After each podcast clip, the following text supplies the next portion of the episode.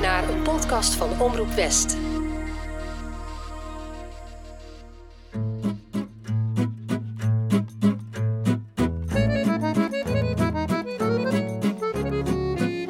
Bonjour, mijn naam is Tess. En leuk dat je luistert naar Enchanté, de chanson podcast.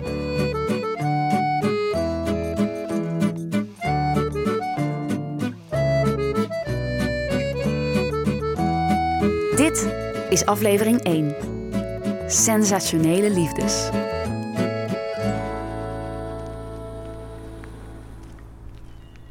Je hebt het vast al gemerkt. Franse chansons zijn weer helemaal terug in de belangstelling. En waar vind je de grootste Franse gemeenschap in Nederland? Natuurlijk in de internationale stad Den Haag. Dat straalt uit in de rest van onze regio. Want ook daar maakt Franstalige muziek een opmars. Ook ik merk dat er steeds meer vraag is naar muziek van Edith Piaf, Jacques Brel, Julien Clerc, Stromae, Barbara Pravi en alle andere Franse iconen. En natuurlijk gaat Omroep West daarin mee. Als geboren Boskoopse en import Haagse neem ik je mee in de wereld van la chanson française, waarin we zowel onvergetelijke klassiekers als nieuwe hits voor het voetlicht brengen.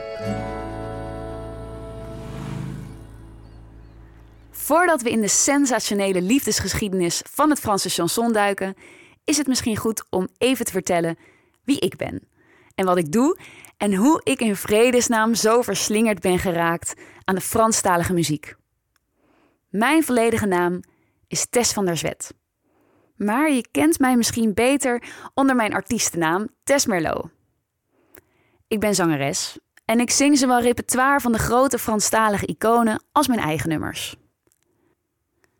Nu is het niet zo heel erg voor de hand liggend dat ik ooit voor het Franstalige genre heb gekozen. Mijn ouders zijn Hollandser dan Hollands. En thuis draaiden we echt allerlei soorten muziek. Denk aan Wim Sonneveld, Thuis heb ik nog een aanzichtkaart. Ramse Shaffi, maar ook Pearl Jam, Andrea Bocelli, MC Hammer, Madonna. Mijn muzikale ambities ontwikkelden zich op zich al op vroege leeftijd, maar dat begon zeker niet bij Piaf. Dat begon bij Cresip. Hier hoor je mij. Volgens mij was ik hier 11 jaar oud. Drie jaar later ontdekte ik Alicia Keys.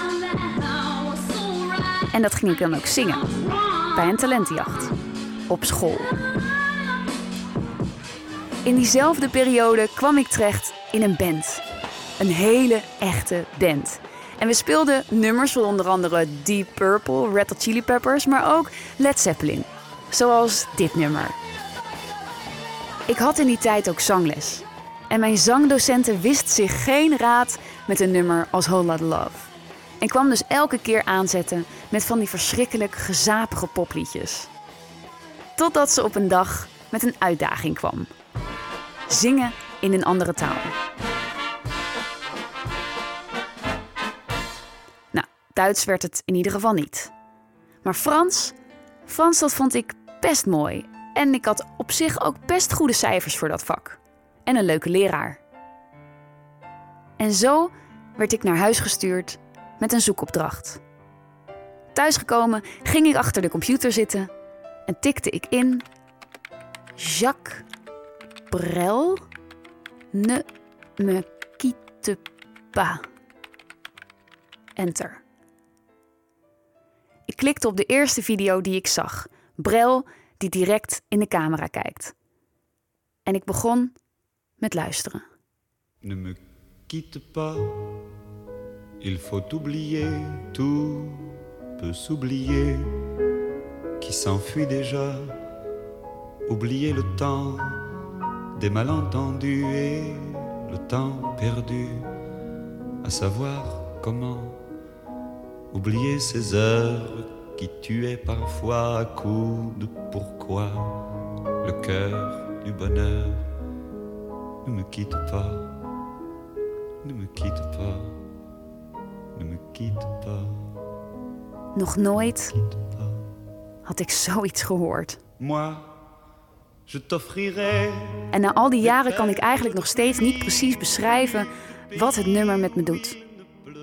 Wat Brel met me doet. Hoezeer het me raakt. Maar hier begon het. Met Brel. Een vurige liefde voor het chanson en een woest grasduinen in het oneindige repertoire en het willen zingen. Me ermee omhullen. Et voilà.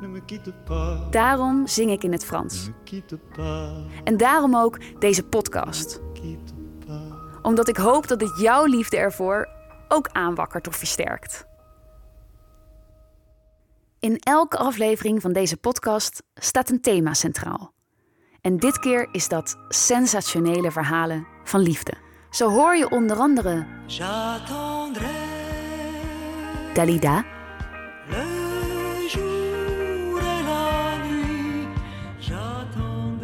Serge Reggiani, La femme qui est dans mon lit n'a plus 20 ans depuis longtemps. Edith Piaf, Allez, venez, Milord, vous asseoir.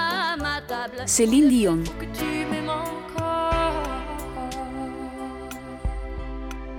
en Claude François.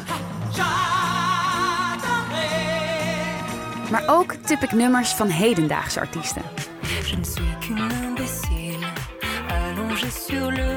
Want Franstalige muziek is allesbehalve blijven hangen in het verleden. Vous êtes prêts? Bien. C'est parti.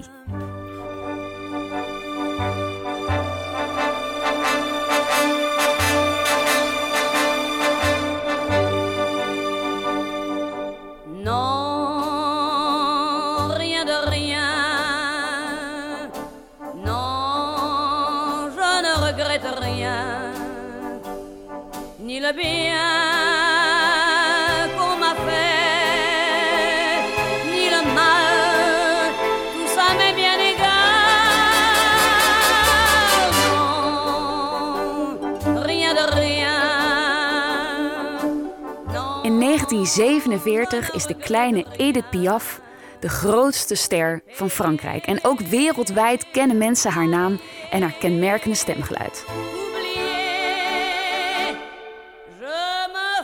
Piaf heeft al heel wat amoureuze relaties achter de rug. En het verhaal gaat zelfs dat ze haar wereldhit La Vie en Rose schreef... terwijl op dat moment niemand minder dan Yves Montand in haar bed lag. Niet verkeerd. Quand il me dans ses bras, qu'il me parle tout bas, je vois la vie en rose. Maar nu heeft ze de ware gevonden. Marcelle Cerdan. Een Franse bokser en een nationale held die wereldwijd gezien wordt als de grootste belofte in de sport. USA, Jersey City, banlieue de New York. 21 septembre 1948. L'homme d'acier, l'américain Tony Zell, n'est plus qu'un pantin désarticulé entre les poings du français Marcel Cerdan. C'est lui pour moi, moi pour lui dans la vie. Beide grootheden worden op handen gedragen en vinden elkaar dan ook in hun succes. Maar ze delen ook iets heel anders. Een heftige en een heel moeilijke jeugd. Edith, die als kind door haar ouders in de steek werd gelaten, opgroeide in het bordeel van haar oma en als straatzangeres de kost probeerde te verdienen, moet in Marcel haar gelijk hebben gevonden. The winner in the 12th round and new middleweight champion of the world, Marcel Cerdan. Hij werd geboren in Algerije en hij groeide op in extreme armoede. Ook hij was een kind van de straat en op zijn achtste ging hij zijn allereerste boksgevecht aan. Nu volwassen zijn de twee elkaar tegengekomen en compleet tot over de oren verliefd op elkaar. Ze kopen zelfs een liefdesnest samen, een klein hotel vlakbij Parijs. En dat terwijl Cerdan op dat moment nog gewoon een vrouw en drie kinderen thuis heeft zitten. Hmm.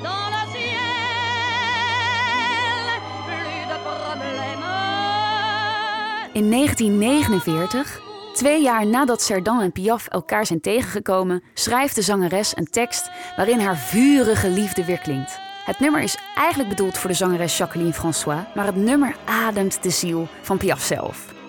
Ze zingt het zelfs een keer voor publiek in het Cabaret Versailles in New York. Waarbij ze haar hele entourage toevertrouwt dat ze het aan haar Marcel opdraagt. Cerdan staat dan op het punt om naar New York te komen. Voor een match, maar ook om Piaf te zien. Hij heeft een ticket voor de boot. En dat gaat Piaf natuurlijk niet snel genoeg. Ze smeekt hem om alsjeblieft het vliegtuig te pakken. Hij stemt in en stapt op donderdag 27 oktober 1949 rond 8 uur 's avonds in de Air France vlucht 009. Een Lockheed L749. Zes uur later staat er een overstap gepland in de Azoren. Maar het vliegtuig haalt het niet en stort omstreeks twee uur s'nachts neer op het eiland São Miguel. Marcel Cerdan, de 36 andere passagiers en de 11 leden van de crew overleven de crash niet. Als op een dag het leven je van me wegneemt, als je doodgaat en ver van mij zult zijn,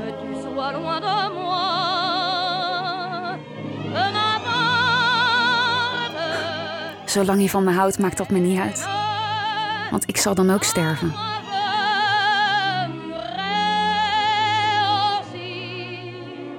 Dat zingt Piaf die week ervoor nog. Het lijkt haast een zelfbevestigende voorspelling. Haar Marcel is er niet meer. Piaf hoort het nieuws die vroege middag. Maar eerst gelooft ze het niet. Ze denkt dat er een spelletje met haar gespeeld wordt, dat haar geliefde elk moment eh, van achter een gordijn tevoorschijn kan springen als een duveltje uit een doosje. Maar Marcel komt niet tevoorschijn. En als de waarheid uiteindelijk tot haar doordringt, verliest ze zichzelf in verwoestend verdriet. Haar manager wil de show die avond annuleren, maar Piaf staat erop dat ze hem alsnog speelt. Ze betreedt het podium en zegt: Vanavond zing ik voor Marcel Cerdan. Bij de laatste zin van Hymne à l'amour, voortgestuwd door het orkest en het koor, wordt het haar te veel.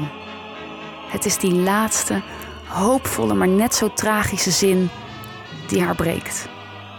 God brengt hen die van elkaar houden samen.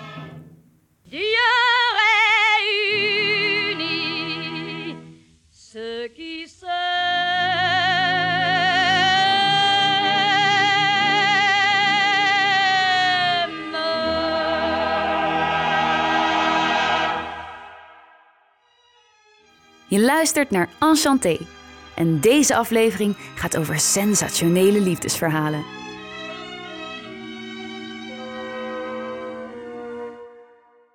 Hoeveel kans van slagen heeft een relatie waarbij jaloezie de liefde overwoekert? En dan heb ik het niet over jaloers zijn op eh, iemand die zich in de aura van jouw geliefde bevindt, maar jaloers zijn op je geliefde. Claude François kon erover meepraten.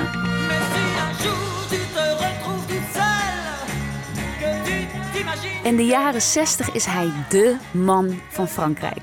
Vrouwen vallen als bosjes voor hem. En met zijn kenachtige uiterlijk is hij ook de gedroomde schoonzoon van veel moeders.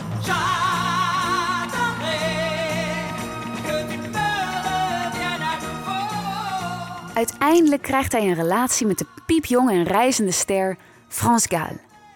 In 1965 doet zij mee aan het Eurovisie Songfestival. Waar ze met het nummer Poupée de cire, Poupée de son uitkomt voor Luxemburg. Ici Naples. Mais ne comptez pas apercevoir le Vésuve.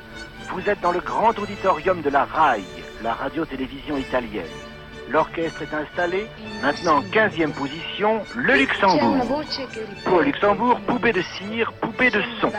C'est France Gall qui chantait la chanson Poupée de cire, poupée de son, poupée de son. paroles et musique et de Serge Gainsbourg. Pour l'orchestration, Alain Alain Goraguer.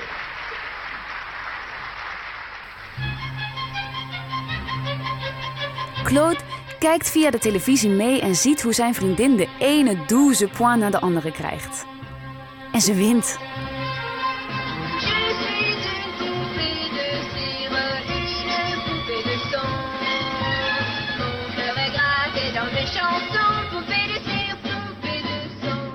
Uitzinnig belt France Gall haar vriendje op. Claude, j'ai gagné. Ik heb gewonnen. Maar onze perfecte schoonzoon is niet bepaald trots of dol van blijdschap. Hij is juist overmand door jaloezie. Je zong vals. Het was waardeloos, bijt hij haar toe. Je mag hem wel gewonnen hebben, maar mij ben je verloren. Wat volgt is een knipperlicht relatie van je welste. Na drie jaar ziet Frans Gaal in dat er met de ijdele en iets wat pedante Claude niet te leven valt. Ze dumpt hem. Voorgoed.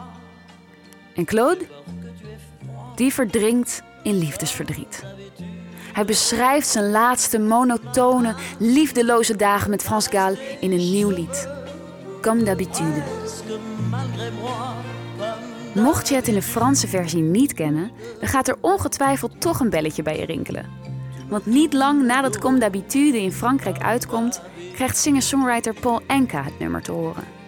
Hij maakt er een Engelstalige tekst op. En het verhaal over een relatie die ten dode is opgeschreven, laat hij even voor wat het is. In plaats daarvan wordt het een persoonlijke en krachtige terugblik van een man op zijn leven. Waarin hij benadrukt dat hij op zijn eigen manier heeft geleefd. Niemand minder dan Frank Sinatra neemt het nummer op. Claude François, die een groot bewonderaar is van Sinatra, is apetrots. Zijn nummer. Gewoon gezongen door Frank Sinatra. Yes, there were times I'm sure you knew when I My Way is een klassieker. En ook vandaag de dag nog steeds bekend bij ouderen en bij jongeren. Maar buiten Frankrijk weten eigenlijk heel weinig mensen dat dit van oorsprong een Frans chanson is. Een Frans chanson van Claude François. Als Claude nog geleefd had, zou hij dan ook niet stikjaloers zijn geweest?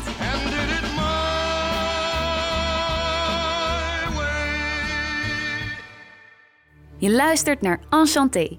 En deze aflevering gaat over sensationele liefdesverhalen. Het is een ochtend in 1995. Ik ben vijf jaar oud. Hoi. En terwijl buiten de herfst al onherroepelijk is overgegaan in de winter, zit ik binnen op een rieten kinderstoeltje. Een bloem te schilderen. Ik draag een kleurig plastic schort. Mijn haren zitten lekker warrig. Ben je vandaag? En de verf zit niet alleen op het doek, maar ook op mijn wang en op de toppen van mijn vingers. Mijn moeder filmt me terwijl ik geconcentreerd groen en blauw meng en de blaadjes inkleur. De hond, een gitzwarte flatcoat retriever, ploft naast me neer en kijkt melancholiek naar buiten.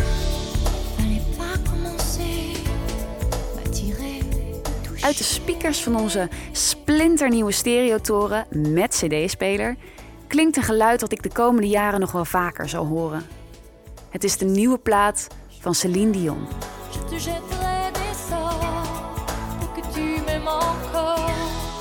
En haar nummer Pour que tu m'aimes encore is op dat moment een enorme hit. Enkele jaren hiervoor wil de Franse muzikant en componist Jean-Jacques Goldman, Goldman dolgraag samenwerken met Céline. Zij is op dat moment al een wereldster van formaat. En het eerste nummer dat hij voor haar schrijft en aan haar en haar manager René voorlegt, is Pour que tu m'aimes encore. Ze zijn in zijn studio en hij draait het nummer voor hen af. Hij is natuurlijk benieuwd naar hun reactie. Dus hij kijkt over zijn schouder achterom om te zien hoe ze erop reageren. En tot zijn verbazing zijn zowel Céline als haar manager René in tranen. Wat hij namelijk niet weet is dat Goldman met dit nummer tot in detail hun gedeelde liefdesleven beschrijft. Céline Dion, geboren in 1968, Quebec, Canada. Ze groeit op in een supermuzikale familie. Ze is de jongste van 14 kinderen en ze heeft een waanzinnige stem. Hier hoor je de 15-jarige Celine.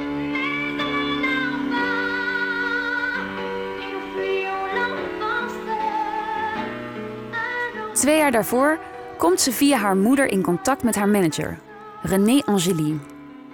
René gelooft zo in haar dat hij een hypotheek neemt op zijn huis om de eerste grote stap in haar carrière te kunnen bekostigen. René is 26 jaar ouder en getrouwd, maar er ontstaat een heel bijzondere band tussen de twee. Pas op 19-jarige leeftijd geeft Celine aan René toe iets voor hem te voelen. Ze kennen elkaar inmiddels door en door. En de inmiddels volwassen geworden Celine is al lang geen meisje meer. Toch zijn de twee doodsbang dat hun ja, toch wel iets onconventionele liefdesrelatie de carrière van de zangeres in gevaar brengt. Meer dan vijf jaar houden ze zich stil. In een uitgebreid televisieinterview in 1992 wordt Celine gevraagd naar ware liefde. Hoe weet je of een man valt voor wie je bent en niet voor wat je doet? Wordt de bekende zangeres gevraagd. Omdat ik denk dat ik hem al gevonden heb, zegt ze.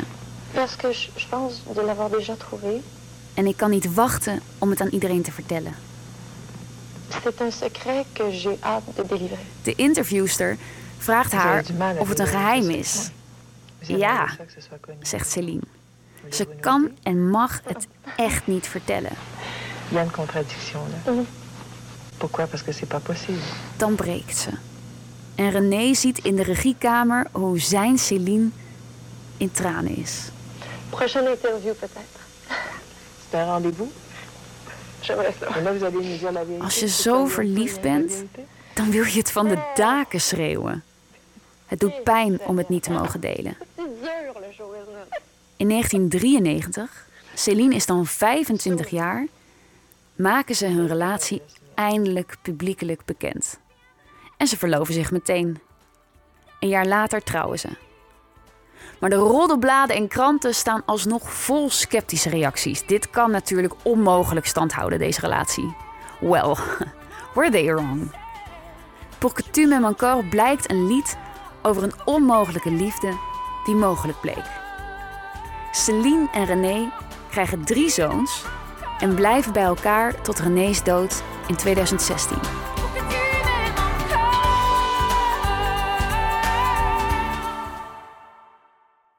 Ik kan me zo goed voorstellen hoe dit nummer ook aan andere mensen troost biedt. Hoe het hun verhaal vertelt. En dat hoeft echt niet alleen maar over liefde te gaan. Bij mij roept het herinneringen op. Aan die ochtend in 1995, die flatcoat retriever aan mijn voeten en mama die de filmcamera weglegt en in de keuken een boterham voor me smeert. Liefdes waarin leeftijdsverschil expliciet wordt bezongen zijn er ook. En ze zijn prachtig. Serge Reggiani heeft er zelfs twee. Sarah. La femme qui est dans mon lit n'a plus 20 ans depuis longtemps. En Il suffirait de presque rien. Il suffirait de presque rien, peut-être dix années de moins. Die laatste gaat over een man die zijn hart verliest aan een meisje dat 30 jaar jonger is. Het zou niet veel schelen, misschien maar 10 jaar. Of ik zou je kunnen zeggen dat ik van je hou. Je op een ochtend meenemen naar een café in Saint-Germain om je te trakteren op een café crème. Maar, zegt hij, dat kan toch eigenlijk niet? Dat leeftijdsverschil. Wat zullen de mensen wel niet denken? Wat zullen ze zeggen? Nee, deze liefde kan gewoonweg niet plaatsvinden. Het nummer wordt ook in het Nederlands gezongen. Op fantastische wijze door de enige echte Wim Sonneveld. Je bent zo lief, maar onervaren. We passen echt niet bij elkaar. Maar een nog bekender nummer van Serge Reggiani over leeftijdsverschil is Sarah. Het nummer wordt geschreven door zijn goede vriend Georges Moustaki.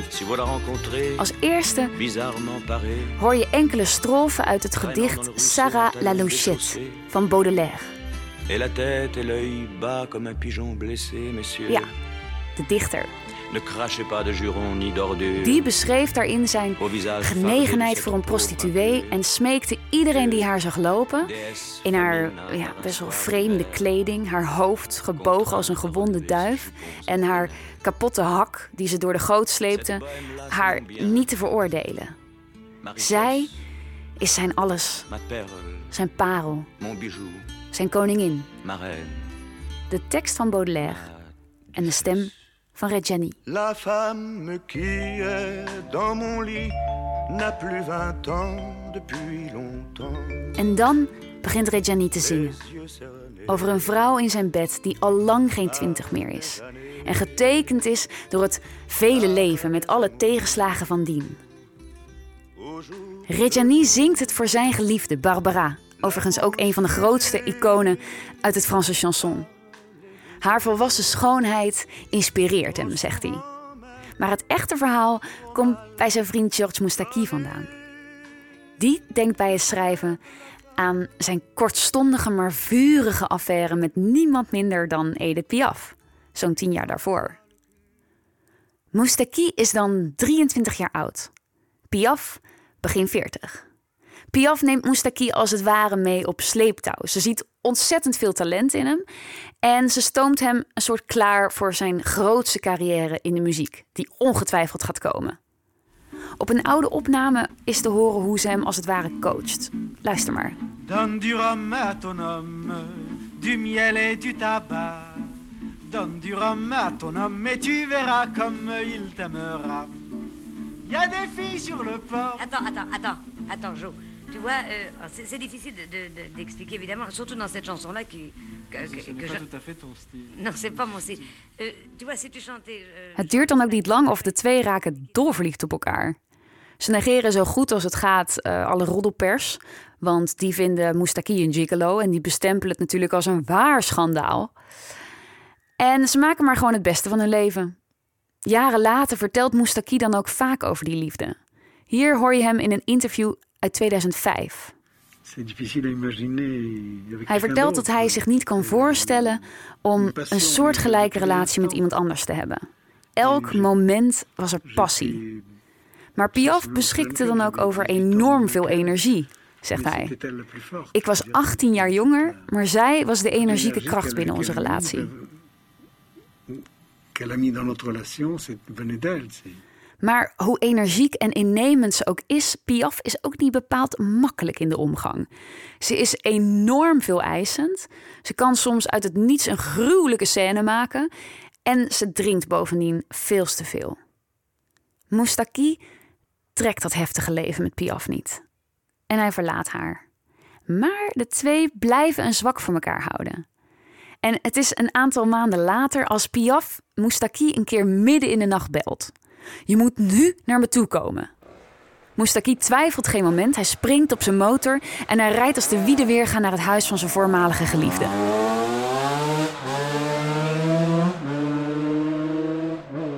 Daar treft hij Piaf gewoon rechtop zittend in bed aan.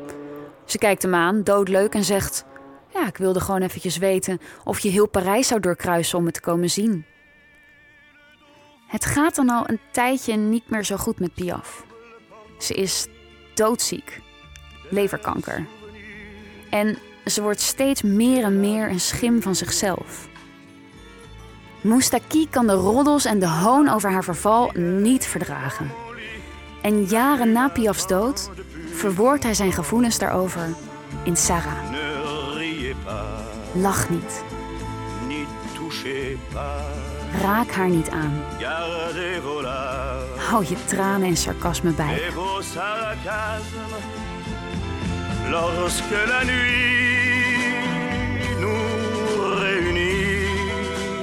Als je het echte verhaal kent achter een lied, dan raakt het je vaak nog veel dieper. En dat gebeurde ook bij mij. Bij dit laatste liedje, dit laatste verhaal. Het is een van de vele verhalen rondom de zangeres Dalida.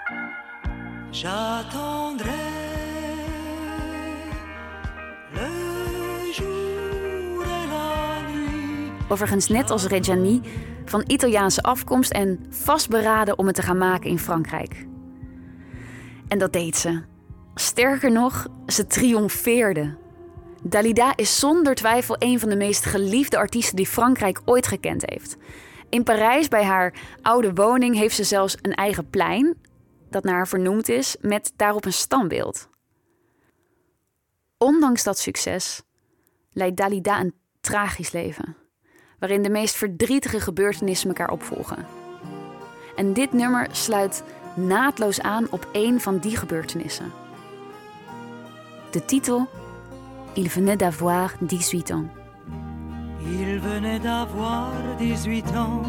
Il était beau comme un. In het nummer wordt bezongen hoe iemand in de zomer valt voor een jongen van nog maar net 18 jaar. Hij is nog zo mooi als een kind, maar zo sterk als een man. Het nummer wordt echter niet in de eerste plaats geschreven voor Dalida. Het team van tekstschrijvers en componisten leggen eerst een hele batterij aan andere liedjes voor haar voor. Heb je niet wat anders? vraagt ze. Het nummer is eigenlijk niet voor jou, zeggen de mannen. Ah Maar Dalida antwoordt: Ach, ik hou ervan. Als men zegt dat het niks voor mij is. Dus de mannen beginnen het te spelen. En Dalida houdt haar adem in.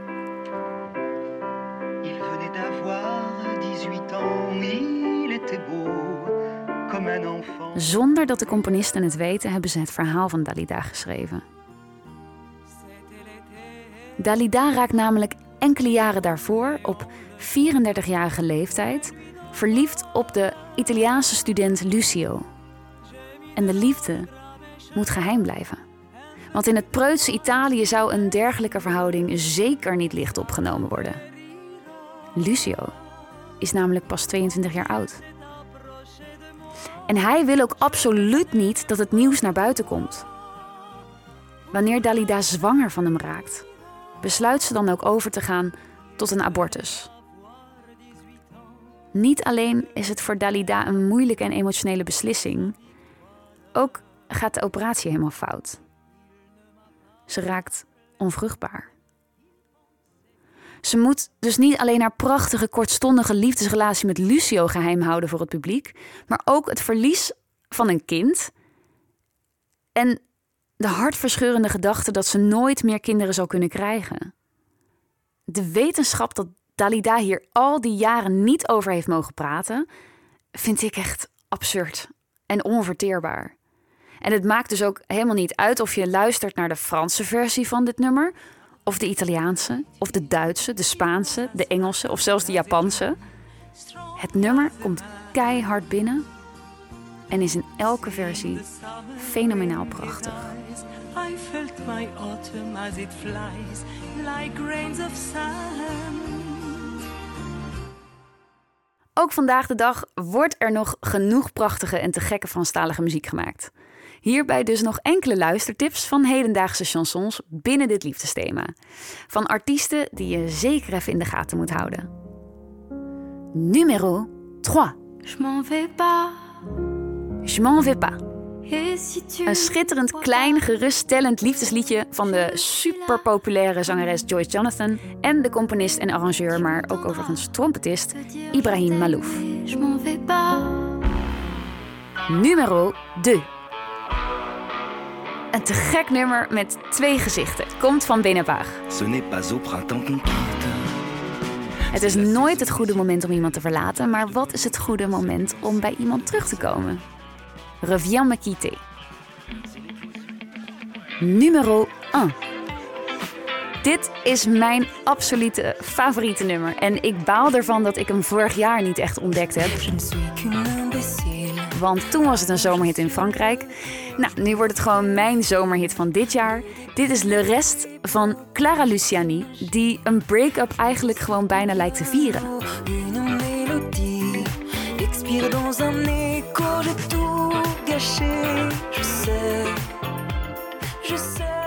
Je luisterde naar de allereerste aflevering van Enchanté, de chanson podcast. In de volgende aflevering neem ik je mee op reis. Vertel ik je waarom toeristen in Moskou jarenlang op zoek waren naar een café dat helemaal niet bestond.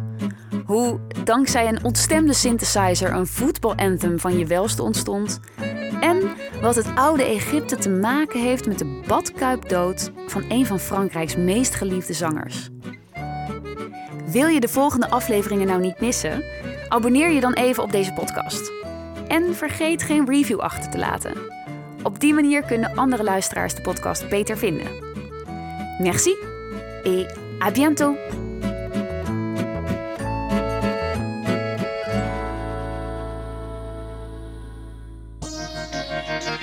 Dit was een podcast van Omroep West.